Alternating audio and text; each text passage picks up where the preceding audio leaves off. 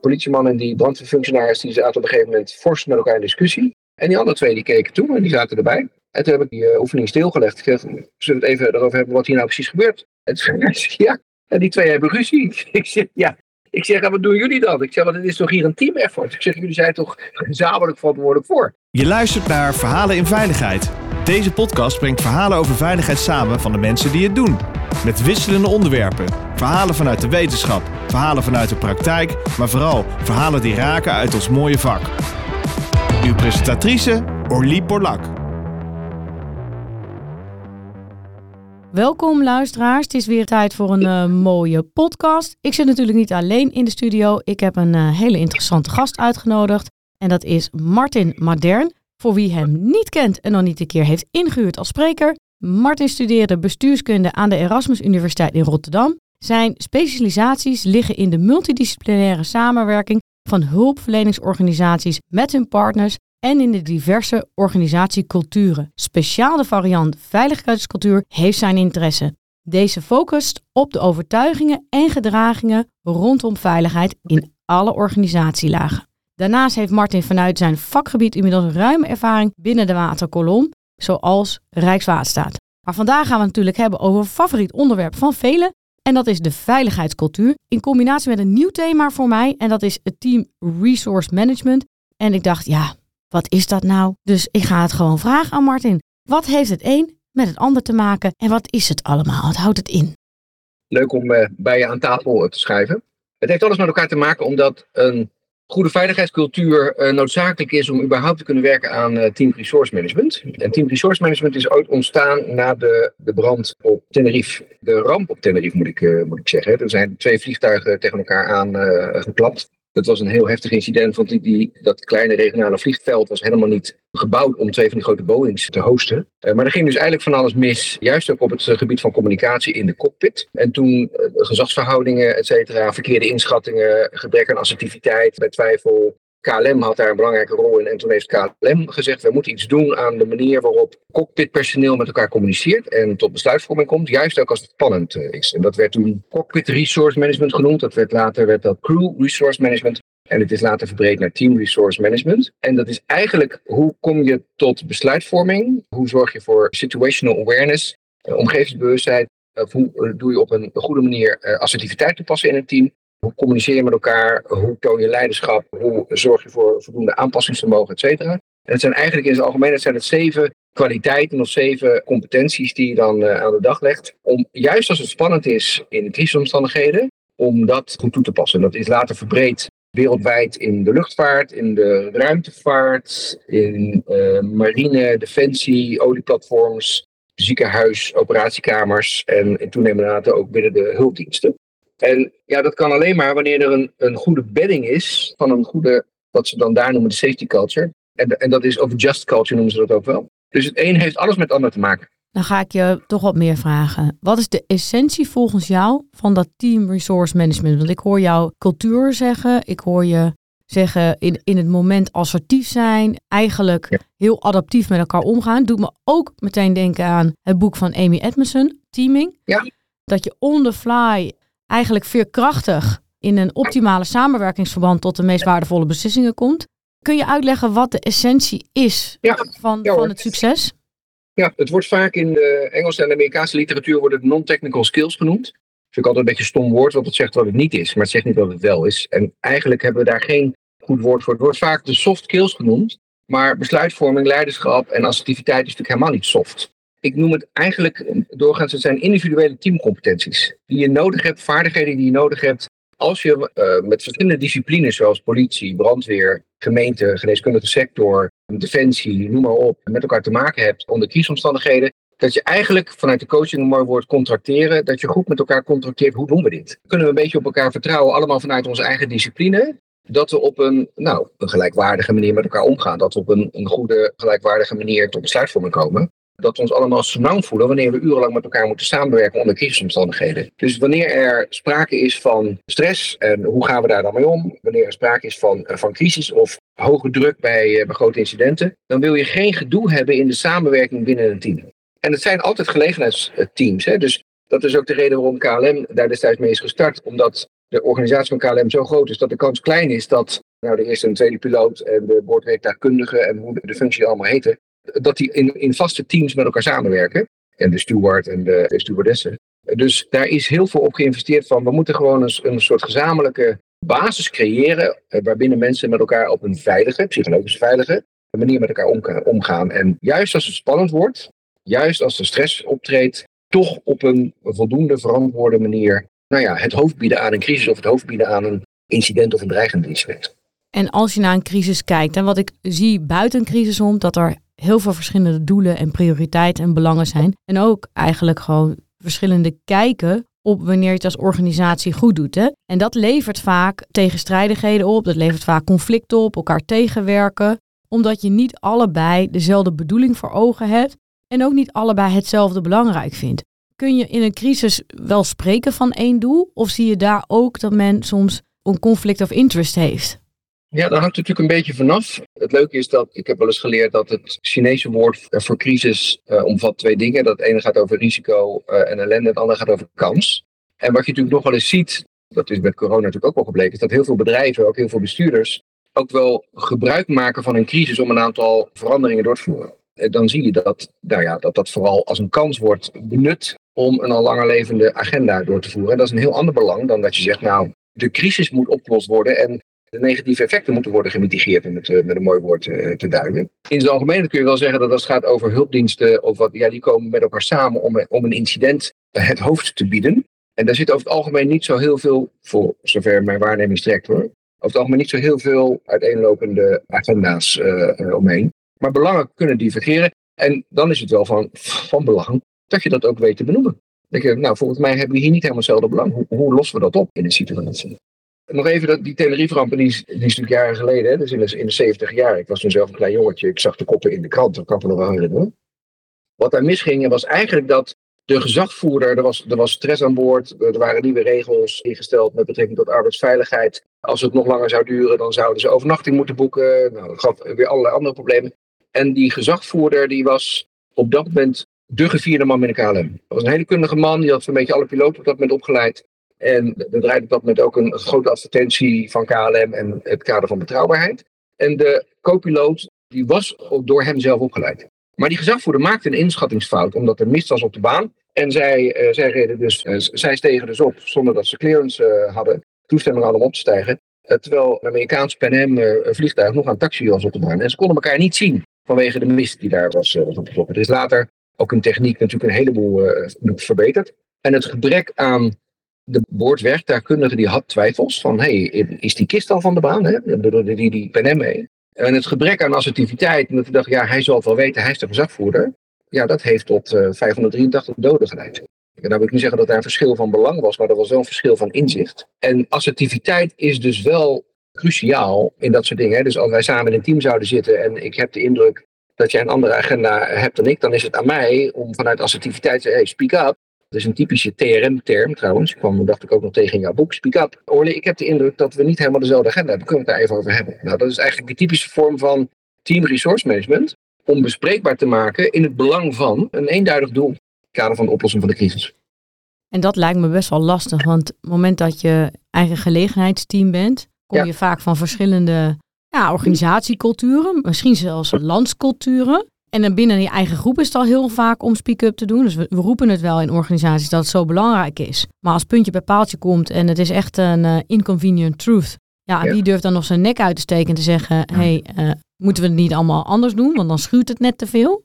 Hoe kan je daar als team je in ontwikkelen? Dat je zegt, nou ja, ook al onafhankelijk van elkaar. Hè, we zijn eigenlijk gelegenheidsteams. Dus ieder team moet, zich, moet hierop voorbereid worden vanuit zijn eigen organisatie. Wat zijn daar dingen in die je kunt doen? Ja, ik zou even nog een stapje terug willen maken voordat ik je vraag beantwoord, Orly. Kijk, we zijn in Nederland natuurlijk al wel even gewend om te polderen. Dus dat is soms een beetje aan verandering onderhevig tegenwoordig. Maar onze cultuur is natuurlijk wel. Nou, we praten net zo lang met elkaar totdat we eruit zijn. Hè? Dat, is, dat, is hoe we in Nederland een beetje tot nog toe met elkaar omgingen. Dat zie je natuurlijk ook terug in de wereld van de hulpdiensten. Dus er is wel veel ervaring binnen de, de wereld van veiligheidsregels, waar ik eigenlijk al jaren loop, de laatste tijd wat minder, maar wel heel veel in heb mogen werken, is dat er wel best wel met aardig respect naar elkaar wordt samengewerkt. En dan ben je dus niet altijd ervan bewust dat dat, een, dan zie je natuurlijk verbeterpunten, maar dan ben je niet altijd bewust dat dat in andere landen helemaal niet vanzelfsprekend is. Ik heb wel eens mogen spreken in, in Denemarken, omdat een collega zegt: hoe doen die dat in Nederland met die veiligheidsregio's? Want daar was het absoluut destijds in elk geval. Nou, zeker niet de gewoonte dat de, dat de politie en de brandweer bij elkaar over de vloer kwamen. ja, dat vond ik wel opmerkelijk. Terwijl wij dat eigenlijk al sinds jaar en dag eh, gewend zijn uh, in dat opzicht. En dan is veiligheidscultuur natuurlijk een, een bijzondere vorm van nou ja, organisatiecultuur of van, van de landscultuur. Dus als je eh, internationaal kijkt naar structuren, bijvoorbeeld van kiesbeheersing, dan zie je daar vaak natuurlijk toch de, de structuur van de staatsinrichting terug. Wij zijn in Nederland een gedecentraliseerde eenheidsstaat. Dus in wezen is het op een heel decentraal niveau belegd. Inmiddels zie je natuurlijk allerlei centralisatietendensen, ook in de wereld van crisisbeheersing. En, uh, maar we zijn wel gewend om op een lokaal niveau of op een regionaal niveau heel goed met elkaar, uh, met elkaar samen te werken. Daar ben ik wel je vraag vergeten. Sorry. Nou, hij komt wel een beetje als antwoord op de vraag. Maar misschien is dat ook wel meteen het probleem. Is dat vanuit Nederland zijn we inderdaad gewend om te polderen. Ik denk dat wij ja, niet gewend zijn om in een strakke hiërarchie te werken. Medewerkers eh, willen graag een vorm van autonomie, willen eigenlijk gewoon opties hebben, keuzes hebben. En wij vinden het eigenlijk ook normaal om vaak de status quo in vragen te stellen. Dat, mensen vinden dat uh, misschien buiten Nederland een beetje te direct. Hè? In Nederland kan je gewoon prima een situatie tegenkomen dat de CEO een nieuwe strategie presenteert. En dat een medewerker ik zou nog niet zeggen stagiair, dat, die zal dat dan niet durven vanwege zijn leeftijd, maar gewoon een medewerker gewoon daar zijn twijfels over uit. Die zegt van joh, uh, hartstikke mooi die strategie, maar wij van de afdeling kunnen hier niet aan voldoen. We hebben de competenties bijvoorbeeld niet om met deze visie mee te gaan. Ik kan me heel veel Aziatische landen voorstellen, waar, waar mensen echt denken, misschien moet de dokter nu even komen, want het gaat niet helemaal goed met u dat u dit zo zegt. en dat is wel antwoord op mijn vraag, is dat ik denk dat wij in Nederland daar ook in ontwikkeling zijn. Je ziet ook dat het, bij ons heel erg populair gaat worden om over psychologische veiligheid te praten. Veilig voelen is gewoon een kernthema. We denken ook dat dat ons verder gaat helpen in die samenwerking, in die polderen. Maar je bent een gelegenheidsteam. Dus ik zit daar op, op Tenerife. Dat is, uh, is er van Spanje, toch? Ja. En Spaanse cultuur is niet zo. Ik heb net een project doe ik met uh, Nederlanders en Spanjaarden. En daar is cultuur wel een dingetje. Ja.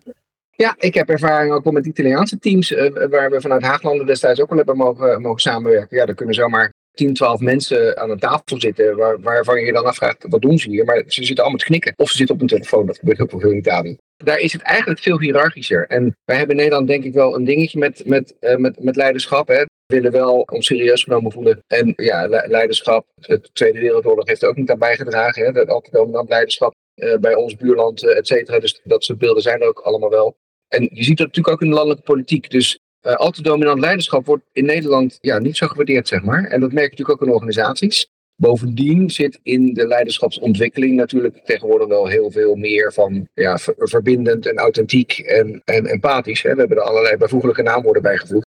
Ik praat er wel eens met een collega over en die vindt dat dat allemaal onzin. Zeggen, ja, dat, dat hoort allemaal ingesloten te zijn in leiderschap. Uh, overigens, in de wereld van team resource management heb je ook wel een, een, een stroming die zegt, ja, het leiderschap ligt in het team. Vind ik ook een hele interessante. Omdat je zegt, ja, als wij gezamenlijk samenwerken, dan is er eigenlijk sprake van een soort gedeeld leiderschap. Dus er is niet een, een leider die boven alles gesteld is. En je ziet toch dat leiderschap, voorzitterschap wordt dan vaak vormgegeven in samenwerking. Nou, alles afwegen, als ik jullie dus allemaal gehoord heb, dan lijkt het mij het, het meest verstandige dat we die in die beslissing nemen of zo. Hè? Dus het is niet heel erg autocratisch leiderschap, maar het is toch meer vanuit het team waarbij iedereen een stukje mede verantwoordelijkheid draagt. Maar die rolfluiditeit, hè? dus dat, dat herken ik ook, is van je draagt samen de verantwoordelijkheid, de eigenaarschap, regie. En ook de besluitvorming vindt plaats eigenlijk in dialoog in de groep. Dat is voor die Spaanse cultuur, even terug naar de Tenerife-ramp, ja. is dat helemaal niet gebruikelijk. En dan lijkt mij de hamvraag in dit soort situaties, hoe zorg je dat die twee culturen dan op dat moment wel door een deur kunnen. Niet dat die Nederlanders zeggen, ik wil een gedragen besluitvorming. En dat uh, de, de commandant van de, van de Spanjaarden zegt, uh, ik heb besloten, we gaan het zo doen. Ja, nou kijk, wat, wat daar natuurlijk met name speelde was, oké, twee grote vliegtuigen moeten uitwijken naar een klein heel lokaal uh, veldje. Omdat er een bommelding was op, het, op het andere grote vliegveld. En uh, er was een weekendbezetting met uh, twee op dat moment een, nog redelijk slecht Engels sprekende Spaanse uh, luchtverkeersleiders. Waardoor er in de communicatie van alles misging. Maar daar ontstond natuurlijk niet een, een soort samenwerking op crisisteamniveau. Hè? Dus daar was ook allemaal veel te kort voor, zeg maar. Dus dat was ellende in de Amerikaanse cockpit. die het Nederlandse toestel niet kon ontwijken en, en andersom, zeg maar. Maar daar was natuurlijk niet in die zin verder samenwerking met de, met de Spanjaarden. Het is overigens wel zo dat, wat ik eerder vertelde, vanuit die die internationale samenwerking je natuurlijk wel te maken hebt met allerlei verschillende culturen, mede als gevolg van allerlei verschillende staatsinrichtingen. En daar heb je wel mee te maken. En dan zie je wel dat Nederland ook wel meer aansluiting heeft bij de Noord-Europese landen of zo. Hè? Maar een land als Duitsland, ja, die is daar weer veel hiërarchischer in. Daar is het minder gebruikelijk dat je de hogere legerleiding tegenspreekt. Terwijl het hier in Nederland vaak op een dusdanige manier uh, langdurig kan gaan. Uh, dat je kan afvragen van ja, ja oké, maar wie heeft hier nu de leiding en de verantwoordelijkheid? Maar dat wil je dan ook niet al te gauw doorduwen. Zeg maar. Die cultuurverschillen die zijn er wel. Ja, en dat is natuurlijk zeker in internationale samenwerking extra uitdagend. Dat klopt. Ja. Dus uh, onze uitdaging is misschien een uh, stroperig uh, project, soms gebrek aan daadkracht. Maar zouden wij in die internationale teams als bruggenbouwer kunnen fungeren? Dat je zegt, wij Nederlanders zijn toch wat meer gewend om vanuit een soort deep democracy, daar moet ik ook de hele tijd aan denken als ik naar jou luister, ja. vanuit een soort vorm van ja. deep democracy gedragen besluitvorming te komen. Zou dat een toegevoegde waarde zijn van onze culturele aspecten als het gaat om die team resource management? Ja, het zou kunnen. Team resource management is natuurlijk wel wereldwijd. Hè? Dus het is in allerlei landen wel geïmplementeerd. Dus dat, dat veronderstelt dan ook wel een zekere mate van een just culture. Die dan daar wel aanwezig moet zijn, want anders kun je TRM, CRM niet echt effectief uh, invoeren. Uh, overigens heb ik gebrek aan daadkracht of, of, of stroperigheid. Dat zijn niet de woorden die ik gebruikt heb. Hè? Uh, want ik denk wel dat in Nederland, we zijn wel in staat tot goede gedragen besluitvorming. En zeker ook in de wereld van crisisbeheersing. Het wordt vaak wel ingewikkelder wanneer het, nou ja, landelijk, hoog over, uh, politiek, et cetera. Ja, dat, dat vertroebelt dan wel vaak de zaken. Dan, wordt het wel ingewikkelder. Dan komen er andere agenda's bij. In zijn algemeenheid merk je toch dat op regionaal niveau, lokaal niveau, hangt een beetje van de burgemeester af, maar er is doorgaans wel veel vertrouwen in de manier waarop hulpdiensten en incidenten bestrijden in Nederland. En die hebben ook wel veel ervaring in, ja, zo doen we dit. Dus, dus die samenwerking op, op uit, uitvoerend niveau, in een commandoteam uh, plaats incident, bak noemen we dat dan, een kopiebak, of op een regionaal operationeel team, of, op een beleidsteamniveau. Dat vindt over het algemeen wel vrij soepeltjes plaats. Er is wel veel getraind en geoefend. En we hebben natuurlijk in Nederland afgelopen jaar ook wel hier en daar wat incidenten gehad die dat ook, nou, waar dat ook dan tot uitdrukking komt. Dat wordt vervolgens weer breed uit geëvalueerd. Wat ik wel fijn zou vinden is als ook het hele pakket van team resource management structureel landelijk ook deel zou gaan uitmaken van het evaluatiepakket wat je, uh, nou, van, bijvoorbeeld vanaf de Rijksoverheid of bijvoorbeeld vanaf een inspectie openbaar orde en veiligheid of een, een nationale uh, ongevallenraad of onderzoeksraad, ik weet niet precies hoe je weet, dat je dat dan ook als instrumentarium zou gaan toepassen. Daarmee wint het denk ik ook aan uh, belangrijkheid en, en toegevoegde waarde. En wordt dan team resource management een soort ideaalmodel waarin je de samenwerking gaat toetsen of de cultuur gaat nou ja, toetsen? Dat is wat leuk. Het is natuurlijk geen Haarlemmer olie of zo. Het is ook geen garantie voor succes. Maar als je ze allemaal een beetje afloopt, dan denk je ja, dat zijn wel onderdelen die een beetje op een fatsoenlijke manier moeten plaatsvinden. Wil er sprake zijn van een effectieve teamsamenwerking. He, dus of het nu gaat om besluitvorming of over uh, doelmiddelenanalyse of over uh, communicatie of omgevingsbewustzijn of, of wat dan ook. Een beetje vaak het acroniem BED-COLA, dus daar kan ik het altijd een beetje aan onthouden. Dan heb ik ze al eens even gehad.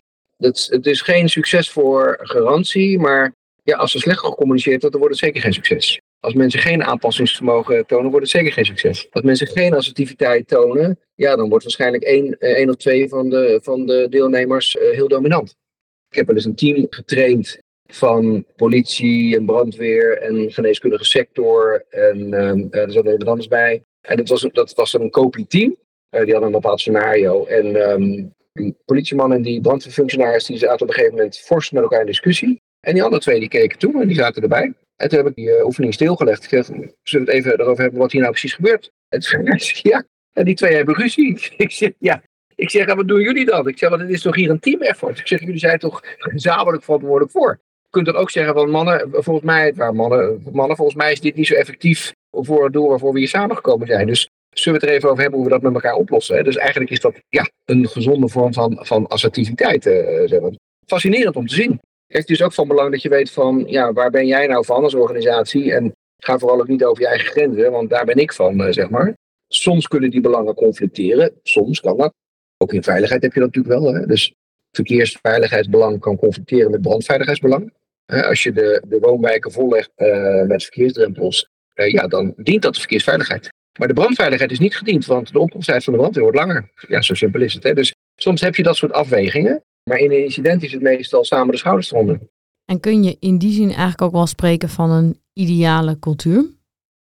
Wat die ondersteunen? Ja, dat vind ik een interessante vraag. Kijk, een cultuur is voor mij, zoals Edgar Schein er ook natuurlijk over spreekt en schrijft, een, een bundeling van nou ja, een gedeelde set van overtuigingen en gedragingen en normen. En nou, het zou heel vervelend zijn als je iedere morgen in je organisatie komt en je moet opnieuw uitvinden eh, hoe het werkt. Of hoe er vandaag met je omgegaan wordt. Dus dat is de grote kracht van een, eh, van een cultuur. Dat is met een veiligheidscultuur natuurlijk ook zo. Dus of dat ideaal is. Kijk, ik denk waar jij natuurlijk veel over schrijft en spreekt. Uh, een cultuur waarbinnen voldoende psychologische veiligheid is. Dat mensen zich veilig voelen om kwetsbaar te kunnen zijn. Van hé, hey, ik merk dat ik afhaak. Hé, hey, ik merk dat ik uh, wat gestrest raak. Hé, hey, et cetera. En dat daar dan op een goede manier mee omgegaan wordt. Dat, dat bevordert de kracht van een team. Dat zou ik een ideale cultuur vinden. Hè? Dus als ik op een plek ben en ik moet met nieuwe mensen samenwerken die ik niet ken. Maar ik weet dat ik gerespecteerd word. Ik, het is, het, maar ik, ik, weet dat, dat er, nou ja, bij wijze van spreken naar me geluisterd wordt. Dat er rekening met me gehouden wordt. Ik kan mijn ding doen, zeg maar. Dat zou ik, dat is ook wel mijn ervaring door de jaren heen in allerlei teams waarin ik regelmatig uh, mag werken. Maar dat, dat zou voor mij een ideale cultuur zijn. Maar ook een cultuur, ik heb veel projectorganisaties mogen werken, waarin het gezamenlijke doel en je bijdrage aan dat gezamenlijke doel wel scherp uh, voorop blijft staan. Ja, mooi. Dan wil ik jou hartelijk danken voor uh, deze podcast. Zijn we er al? gesprek. Ja, je bent er al. Voor mijn gevoel waren we net op, op stoom gekomen. Uh, ja, ja, maar we bent... zijn nog niet uitgesproken. We zijn niet uitgesproken. Dus dan nodig ik je meteen gelijk uit voor een tweede podcast. Dat gaan we doen. Ja, leuk. Dat gaan we zeker doen. Dankjewel. Dankjewel. Je luisterde naar Verhalen in Veiligheid. Wil je niks missen van deze podcast? Abonneer je dan op deze podcast in je favoriete podcastplatform. Of laat een recensie achter via Apple Podcast. Dank voor het luisteren. Graag tot de volgende.